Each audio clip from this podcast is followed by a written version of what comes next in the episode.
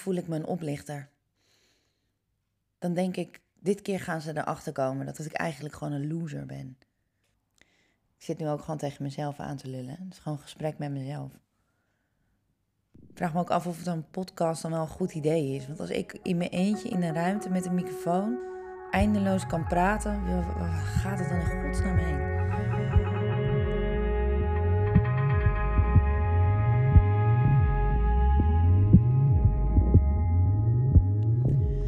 Als er één ding duidelijk is, wat je ouders of anderen je ooit misschien hebben wijsgemaakt, jij en ik zijn niet uniek. Alles wat we beleven en waar we vandaan komen mag dan wel verschillend zijn, maar uiteindelijk is het gebaseerd op dezelfde behoeften, verlangens, emoties en problemen. Ik ben Maya Link, theatermaker, zangeres, actrice. En mijn werk en privé heb ik onconventioneel met elkaar gemengd. Alles wat ik meemaak of waar ik doorheen ga, verwerk ik door er voorstellingen van te maken of liedjes over te schrijven. Ja, zo is mijn leven nou eenmaal gelopen. Alles rondom de plek waar ik ben opgegroeid, het podium. Waar het publiek mij heeft zien vallen en opstaan. Waar ik alles zo'n beetje heb geleerd. Niets heb ik volgens een normale manier geleerd, want school was zeg maar niet echt mijn ding. Eerst bluffen, dan waarmaken. Dat is mijn motto. Gewoon lekker in je onderbroek gaan staan, je mond open trekken en er dan heel langzaam achter komen dat je toch misschien wat meer kleren aan hebt dan je dacht. En dat mensen soms best willen luisteren en kijken naar wat je te zeggen hebt. Ik word er steeds beter in. Toch is er één ding wat mij telkens weer tegenhoudt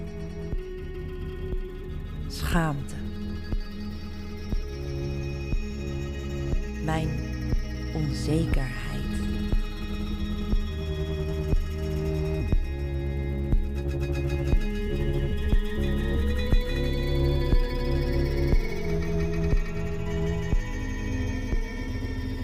Af en toe voel ik me een oplichter.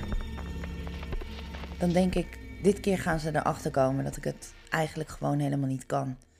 Ik kan eigenlijk helemaal niet zingen. Ik kan niet acteren. Ik kan helemaal niks. Ik doe gewoon alsof. En dit keer, dit keer komen ze erachter dat ik eigenlijk gewoon een loser ben.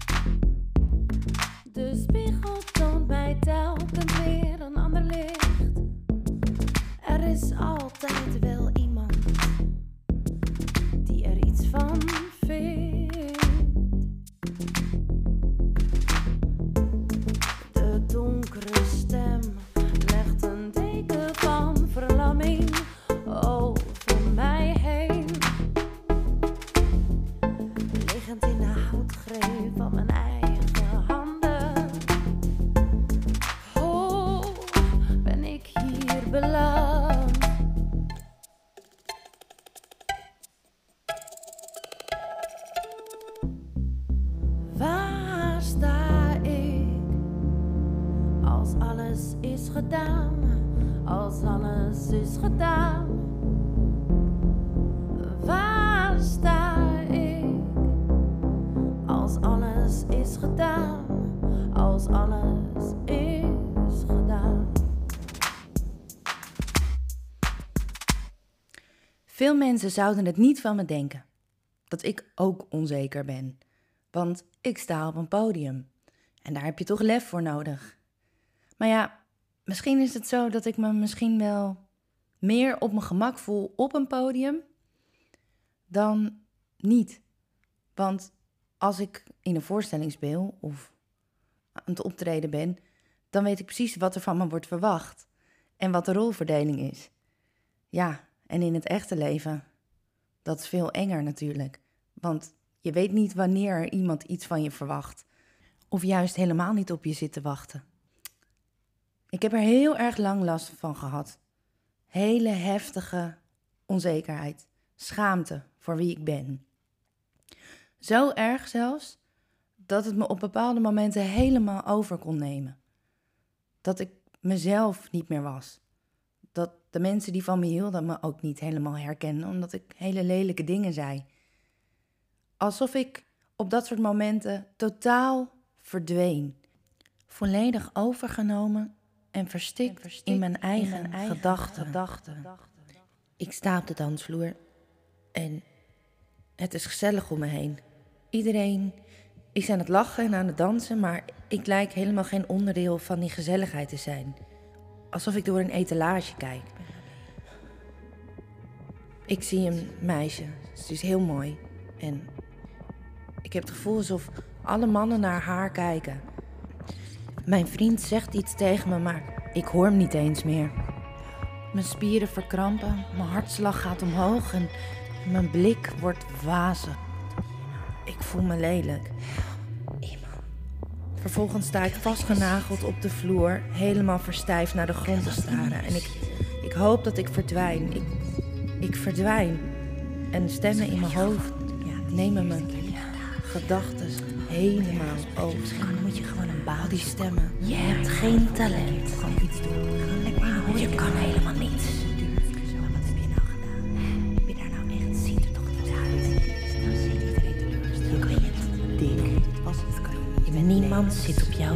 Heb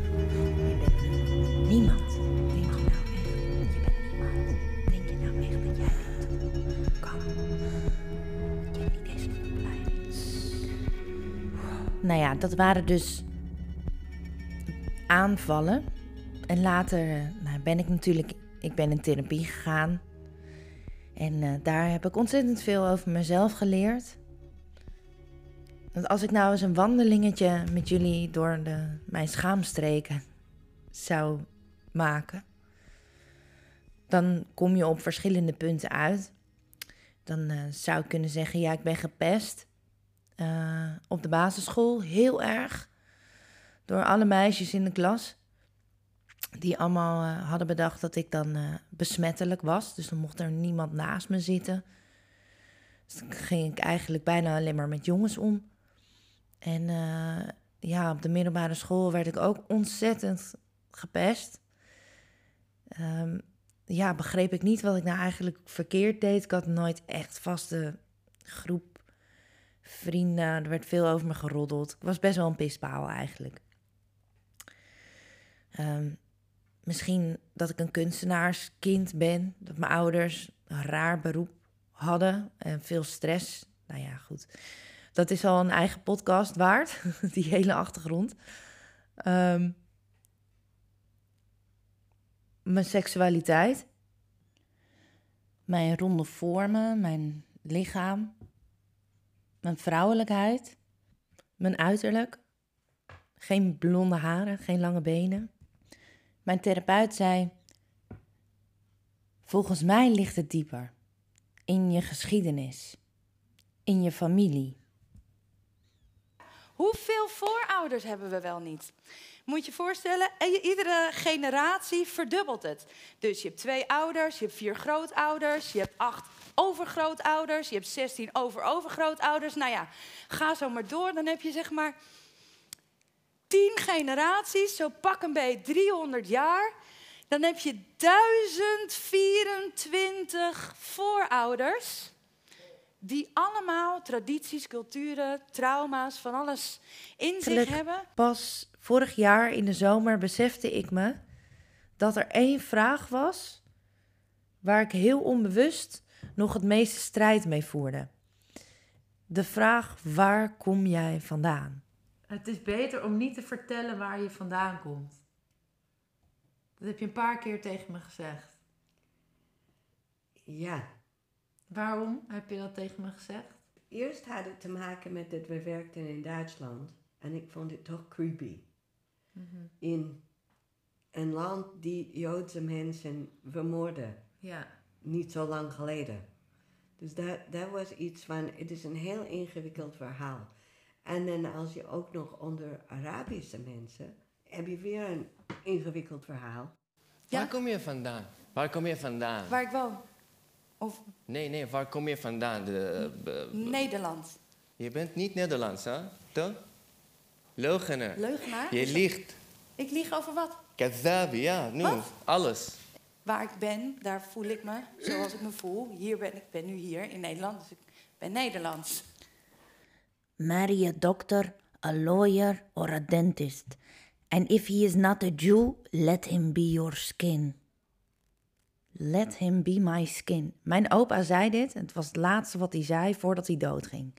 Let him be my skin. If he's not a Jew, let him be my skin. Wat bedoelde hij daar nou mee? Het zijn zinnen die mensen in je leven tegen je zeggen, zoals mijn moeder of mijn oma.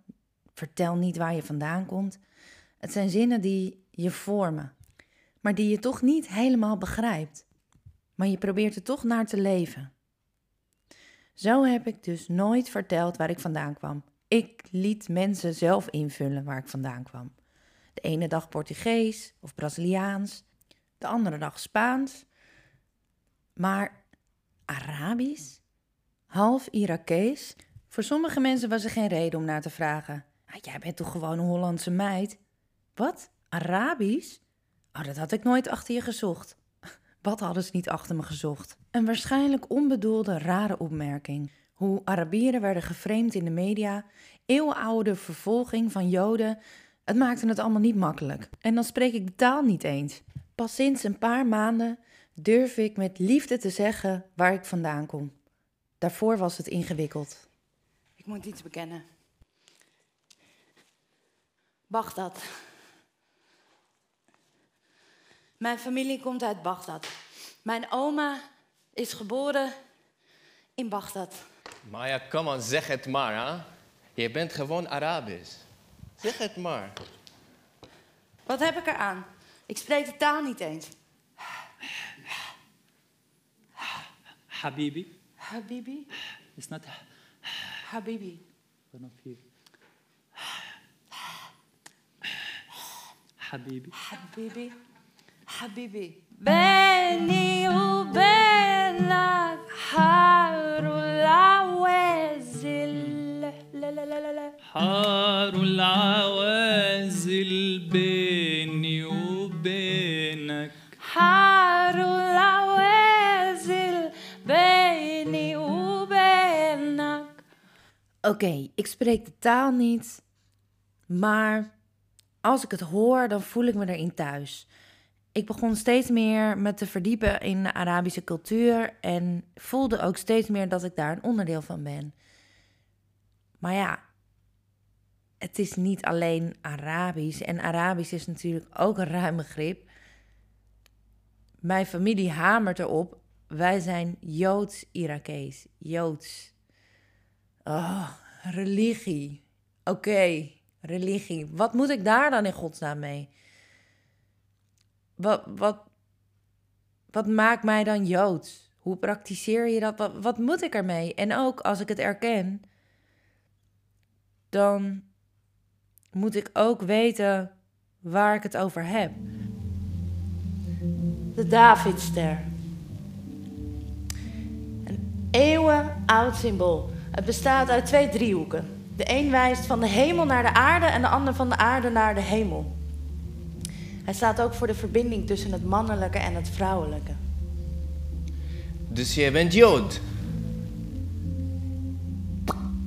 Ja, mijn moeder is Joods. Oh, ben je Joods? Oh, laat je nou eens zien. Oh, dat valt wel mee, toch? Eh, eh, zit je wel aan de pil? Gebruik jij elektriciteit op zaterdag? Ja, ik moet je toch kunnen zien in het donker. Ben je rijk? Ben je rijk? Ben je rijk? Ben je rijk? Oh, jij moet vast rijk zijn dan. Nee, ik ben theatermaker. Eet je varken? Nee, Nee, ik ook niet. grapje. Ik eet varkens. Nee, ik eet ook varken. Ik ben een spekjood. Geloof je in God? Oh, ja, denk je dat het daarover gaat?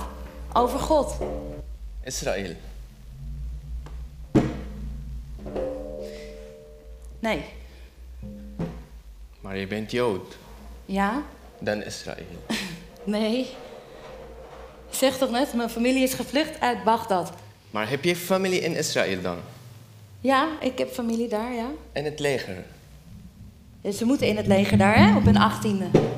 Mijn neven zaten in het leger, daarna zaten ze aan de antidepressieven...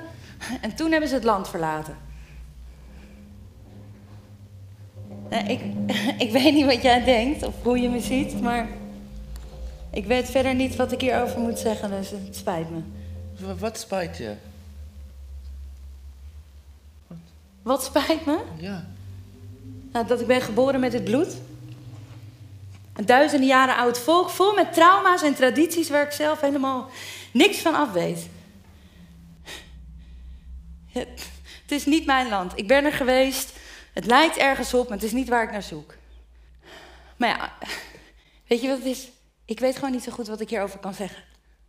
Ik weet niet wat ik hierover mag zeggen, over deze slangenkuil.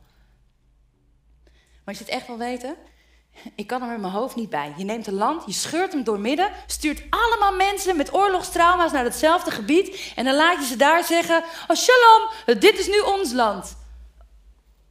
Oh, oh, er wonen al mensen. Nou ja, die moeten eruit, want wij waren hier eigenlijk eerst. Dat is toch gewoon een dom idee, of niet? Wie verzint dat? Dat is ook zoiets. Wie verzint dat? Kan iemand in een notendop uitleggen hoe dit zit? Dit koloniale plan van honderden jaren oud? Uh, Ja, het waren de Britten. Ja, die zich als grote held wel even zouden ontfermen over alle slachtoffers. En toen kwamen alle Arabische landen, die kwamen in opstand. En was het, oh, oh, oh nee, de thee die staat nog op, dus uh, we moeten weg, uh, succes. Of rijke sionisten. In het belang van godsdienst. Geloof ik niet. Macht. Ja, als ik. Als ik het hierover. Nou ja, dit is dus de reden waarom ik het er niet over wil hebben. Zometeen heb ik honderden mensen in mijn nek hijgen en die zeggen: Jij weet helemaal niet waar jij het over hebt. Jij, you need to know the facts of your history. Het maakt niet uit hoeveel ik lees of hoeveel ik luister. Blijkbaar weet ik nooit genoeg, dus ik zwijg. Maar nu zwijg ik niet meer. Het afgelopen jaar heb ik een heel groot onderzoek gedaan. En daar maakte ik een project van, genaamd Geboortegrond. Hier verdiepte ik me in mijn familiegeschiedenis. En probeerde ik alles te weten te komen over de vlucht uit Bagdad. En wat voor gevolg dat had, de beslissingen die mijn moeder heeft genomen. En ehm, alles wat ik had onderzocht, al het materiaal wat ik had gevonden, daar had ik een voorstelling van gemaakt met eh, een gezelschap aan, met muzikanten en acteur. En het was een groot project. Eh, ik liet iets zien aan het publiek wat nog niet af was. Want mijn onderzoek is nog steeds bezig.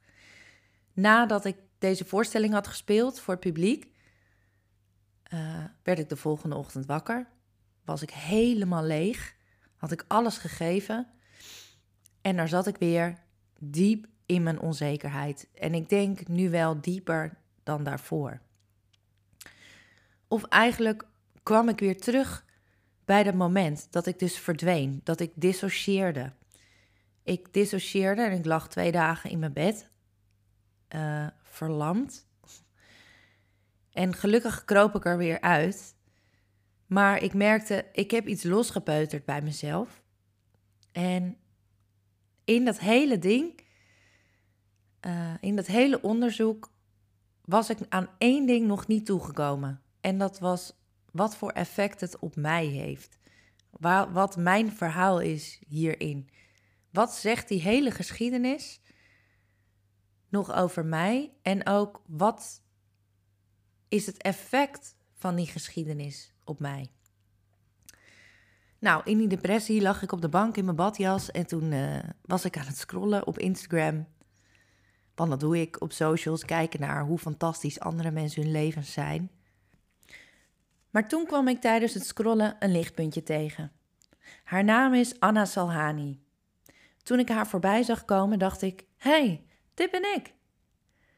Zij heeft zowel een Nederlands als een Canadees paspoort.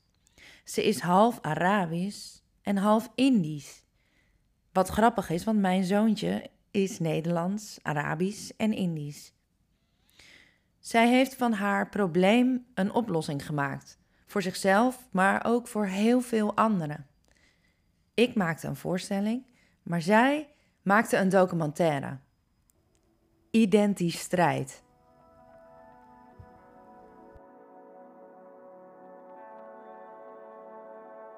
Het klinkt alsof jij ja, het woord imposter, dat je mensen aan het bedriegen bent, want je bent niet echt. mensen met meerdere afkomsten die eigenlijk tussen wal en schip vallen. Voor mij is het dan bij de, de witte Nederlanders, daar ben ik dan de buitenlander. En bij de buitenlandse Nederlanders ben ik een aardappel. Dus dan ben ik zo van, ik hoor er niet echt helemaal bij. Allemaal mensen gingen allemaal dingen op mij opleggen. Hoe ik mij zou moeten voelen of wat er mis zou zijn. Terwijl ik voelde me gewoon mezelf. Ik was gewoon mezelf. En dat werd heel vaak niet geaccepteerd in beide kanten. Het gevoel dat ik ervaar dat ik een oplichter ben, dat komt dus niet uit de lucht vallen. En ik blijk niet de enige te zijn die hiermee rondloopt. Ik sprak Anna in een café in Amsterdam. Ik ben Anna Salhani. Ik ben 24 jaar oud. Ik ben ook geboren in Canada. En ik eh, kom uit Wageningen, hier in Nederland. Ehm, ik heb journalistiek gestudeerd. En vanuit journalistiek is ook eh, eigenlijk mijn persoonlijke zoektocht gestart naar de antwoorden voor mezelf. De zoektocht naar mezelf. En voor mijn afstudeerproject heb ik toen inderdaad de film Identiteit gemaakt over racial imposter syndrome. Eh, voornamelijk vanuit, ehm, ja, ik wilde gewoon onderzoeken wie ik was en waar dat gevoel vandaan kwam. Want die term kwam ook ineens zomaar op mijn pad vorig waar, jaar. Vond, waar vond je die term ja, dan? Instagram. Ja, ik ben sinds, ik denk 2020, allemaal van die infographic-achtige pagina's gaan volgen op Instagram. Ja. Met, eh, over mental health en over bicultureel zijn en dat soort dingen. En waarom had je die drang, ga ik even terug. Ja. Waarom had je die drang om dat eh, te zoeken? Oké, mijn moeder is Indisch en Nederlands. Mijn vader is Libanees en Iers, want zijn moeder is Iers. Mijn opa is eh, zeg maar Libanees. Ik ben geboren in Canada. Eh, ik woon nu in Nederland. Ja, wie, wow, wie ben ik? Ja, en voornamelijk ook als ik dat aan, aan anderen moest uitleggen, dan kwam er ook confusion. Van, En welke talen heb jij? Ja, Engels en Nederlands heb ik vroeger Ja, eh, meegekregen. Ik ben tweetalig opgevoed, maar ik heb ook het Arabisch niet meegekregen. Nee. Ja, ik heb wel een Libanese achternaam, Salhani. Ja. Dus dat draag je dan toch wel een beetje mee. Dat is wel hoe jij naar, naar de buitenland, of buitenland, naar de buitenkant profileert. Ja. Ehm, de, maar dan vervolgens, bijvoorbeeld spreken mensen hier Arabisch aan. En dan voel ik me zo ontzettend ongemakkelijk dat ik dat dan niet terug kan spreken. En dan voelt het als een soort persoonlijk falen of een soort schaamte. Ja. En ehm, dus als kind wist ik al, mijn identiteit is gewoon heel complex. Ja, ik ben echt, echt een journalist, zeg maar. Ik ben altijd al heel nieuwsgierig geweest naar de wereld en waarom dingen zijn hoe ze zijn. En eh, sinds een paar jaar eh, is mijn mentale gezondheid ook heel erg achteruit gegaan. En, ehm, En hoe zie je, hoe, wat, wat krijg, voel je dan? ik heb heel erg last gehad van depressies en angststoornissen. En ik heb ook drie jaar lang in een abusive relationship gezeten, waarvoor ik begin dit jaar in therapie ben gegaan voor PTSD. Maar op een gegeven moment eh, is, gaat het heel erg om symptoombestrijding. Dus oké, je hebt dit, je bent depressief en hoe gaan we dat nu verbeteren? Maar waar ik in geïnteresseerd was, was, maar waar komt dat in de kern vandaan? En toen ben ik echt gaan graaien naar wat maakt mij wie ik ben. Waarom heb ik bepaalde patronen? Waarom heb ik bepaalde coping mechanisms? En toen ben ik voornamelijk in mijn familiegeschiedenis gaan Hoe, waarom kwam je aan die wijsheid? Oh, dan ligt het in de geschiedenis. Um, omdat eigenlijk, ik heb geleerd ook vanuit therapie, is dat de relatie met jezelf begint bij de relatie die je met je ouders hebt. Ja, dus alles wat, zeker. jij, ja, alles wat jij over jezelf denkt en vindt en hebt aangeleerd, is vanuit de band met je ouders. Bijvoorbeeld mijn moeder is Indisch en Nederlands. En eh, ja, je kent wel de term Indisch zwijgen. Ja, zeker. Zo ben ik ook zeker opgegroeid. Met het idee dat emoties niet mochten bestaan. Hou je mond maar. Eh, ze konden er emotioneel ook niet voor mij zijn. Ze konden op heel veel andere manieren voor mij zijn, maar emotioneel konden ze er niet voor mij zijn. Ik, ik vind het echt bizar. Ik heb nu een aantal eh, theaterstukken gezien. Ook dat ging juist over die generatie die dan die dekolonisatie van Nederlands-Indië heeft meegemaakt. Of toen nog kind was. En dus nu rond de 60 zijn. Ja. En eh, hoe dat dan voor die kinderen is. En je ziet zoveel gelijkenissen. Dat is echt bizar. Ja, En zeker. ja, ik vind het dan wel een, een rijkdom dat dat nu allemaal wordt ontdekt. En dat daar nu bijvoorbeeld allemaal theaterstukken over worden Ja, gemaakt. En zeker. dat je het terug kan vinden. Maar je hebt ook een Arabische kant. Ja, klopt. Dat is op mijn vaders kant. Ehm, en dat maakt het natuurlijk voor mij nog lastiger allemaal. Ja. Ik denk dat sowieso het... Waar ja, komt je vader vandaan, eh, Libanon. Libanon. Ja, Libanees. Oké, ja. Eh, christelijk Libanees, dus ik ben ook geen eh, moslim. Ik ben zelf atheïst, dus ik heb ook niks meer met het christelijke te maken eigenlijk, maar mijn familie wel. Ehm, Ja, dus dat was voor mij opgroeiende heel lastig. Ja, het is ingewikkeld. Op een simpele vraag zoals wie ben je en waar kom je vandaan, vraagt het van ons iets heel persoonlijks te delen. Waar we zelf ook niet alles van begrijpen. Anna ontdekte jij- dat er ja, meer die mensen zijn die ja, hier moeite mee hebben. identiteit gemaakt. Ja. Want ik ben dus heel erg benieuwd. Eh, daar was ik benieuwd naar. Want jij hebt allemaal mensen geïnterviewd. Kende jij die mensen al? Of Ja, hoe ben ik je... kende die mensen al. Eentje is een eh, goed vriendinnetje van mij, dat is Rokaya. Zij is ehm, half Libisch, half Marokkaans. Eh, en eh, Emma is het meisje dat eh, half Nigeriaans, half Nederlands was. En Jarai, dat is een jongen die Zuid-Koreaans en Surinaams was. Dus ik kende iedereen al wel, dus daarom wist ik ook dat hier bepaalde verhalen in zaten. Ja. Maar wat zij mij uiteindelijk nog allemaal hebben verteld en mij ook eigenlijk heel veel hebben geleerd, dat had ik van tevoren niet verwacht. Ja, want wat Ja. gebeurde er eigenlijk op het moment dat je het aan het maken was... en dat er dus allerlei boekjes open gingen van Ja. andere mensen? Heel veel herkenning. Ja. Heel veel van, oh, jij hebt je ook zo gevoeld. Oh, ik ben helemaal niet raar in dat gevoel of zo. Maar ook wel heel veel confrontatie met dat, ondanks dat ik ook racial imposter eh, syndrome heb ervaren, dat ik toch nog heel veel privilege met me meedraag. Ja. Bijvoorbeeld, ehm, Emma is dan half zwart, half wit. En eh, die heeft ook echt, echt te maken gehad met discriminatie. Gewoon Ja. eh, pesterijen om haar donkere huidskleur. Eh, ze wilde op een gegeven moment ook wit lijken. Dus heeft ze bleekjes op Google besteld als kind hè, of als Oh, tiener. jeetje. Om lichter te lijken. Uiteindelijk heeft ze dat gelukkig niet op zich gesmeerd. Maar weet je wel, dat je zo ver gaat om omdat je gewoon zo geconfronteerd wordt met het feit dat jij door je huidskleur bijvoorbeeld Ja. al gewoon niet erbij hoort of niet bij mag horen. Of Heftig. Zo'n sluimerende onzekerheid omdat je stukjes van je familiegeschiedenis niet helemaal kent of begrijpt. En jij in een hele andere context bent opgegroeid. Een gevoel van schaamte en angst om iets toe te eigenen wat je ergens wel voelt, maar wat je niet kent.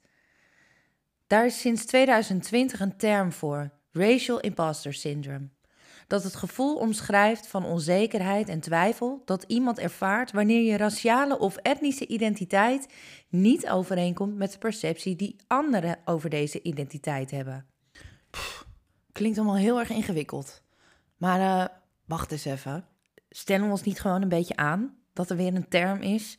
Dat we daar weer allemaal dingen bij bedenken waar we dan ook weer heel woke mee om moeten gaan? Zoeken we niet gewoon allemaal naar problemen? Problemen die ons dan weer uniek kunnen maken? Of zo? Ja, ik kreeg vooral die reacties na mijn Vice-artikel hierover. Oh ja? Eh, van zowel buitenlanders als ook gewoon Nederlands. De Nederlanders trok ik me helemaal niks van aan. En ik dacht, jij weet hier niks van, dus waarom Nee. meng je in het gesprek?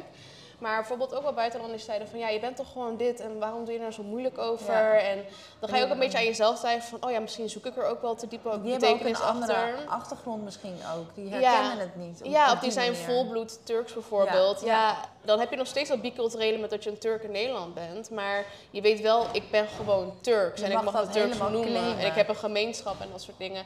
Dus na die comments ging ik ook wel aan mezelf twijfelen van ja, zoek ik er niet een betekenis achter die er helemaal niet eh, hoeft te zijn Ja. en zo.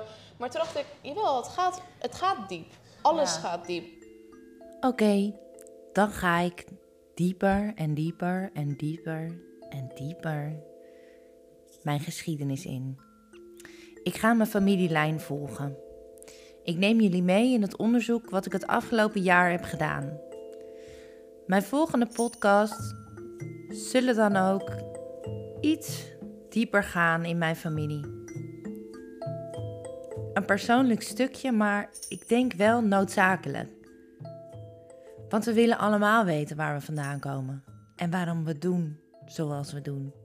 Dus je bijvoorbeeld als je ehm, lesbisch bent of biseksueel of transgender, ook dan dat heb je, ook weer die, of waar hoor ik bij en wie Ja. mag ik zijn en ik word niet geaccepteerd. Dus iedereen gaat door een bepaalde identiteitsvorming heen. En in die identiteitsvorming kan je je heel vaak alleen of onbegrepen voelen of niet genoeg. Maar ehm, ik denk dat met afkomst dat dat heel vaak vergeten werd. Van ja, maar je bent toch gewoon dit? Of ja, je, je woont nu toch gewoon in Nederland? Het maakt Eh, niet uit, joh. Ja, het maakt niet ja. uit waar je vandaan komt. Daarom. Nee. En terwijl inderdaad nu met ook deze docu wordt gewoon bespreekbaar van ja, maar het maakt wel uit. En het kan Ja. pijn doen en het is vervelend. Maar je bent er gewoon niet alleen in. En ik denk Nee. dat dat wel heel belangrijk is om te benoemen. Ja, zeker. Ja. Jullie hebben het eind gehaald van deze podcast. Daar ben ik heel blij mee. Dankjewel. Ehm bedankt voor het luisteren. En ik hoop dat jullie naar de volgende afleveringen zullen luisteren. Die volgen in deze serie Geboortegrond. Ehm, tip, kijk naar de documentaire van Anna Salhani, Identistrijd. Kan je gewoon op internet vinden. Kost je een euro. Gewoon kijken. En ehm, ook de muzikanten bedankt. Harold Koopman, Mozes Meijer en Convoy Exceptional voor de muzikale bijdrage. Tot de volgende.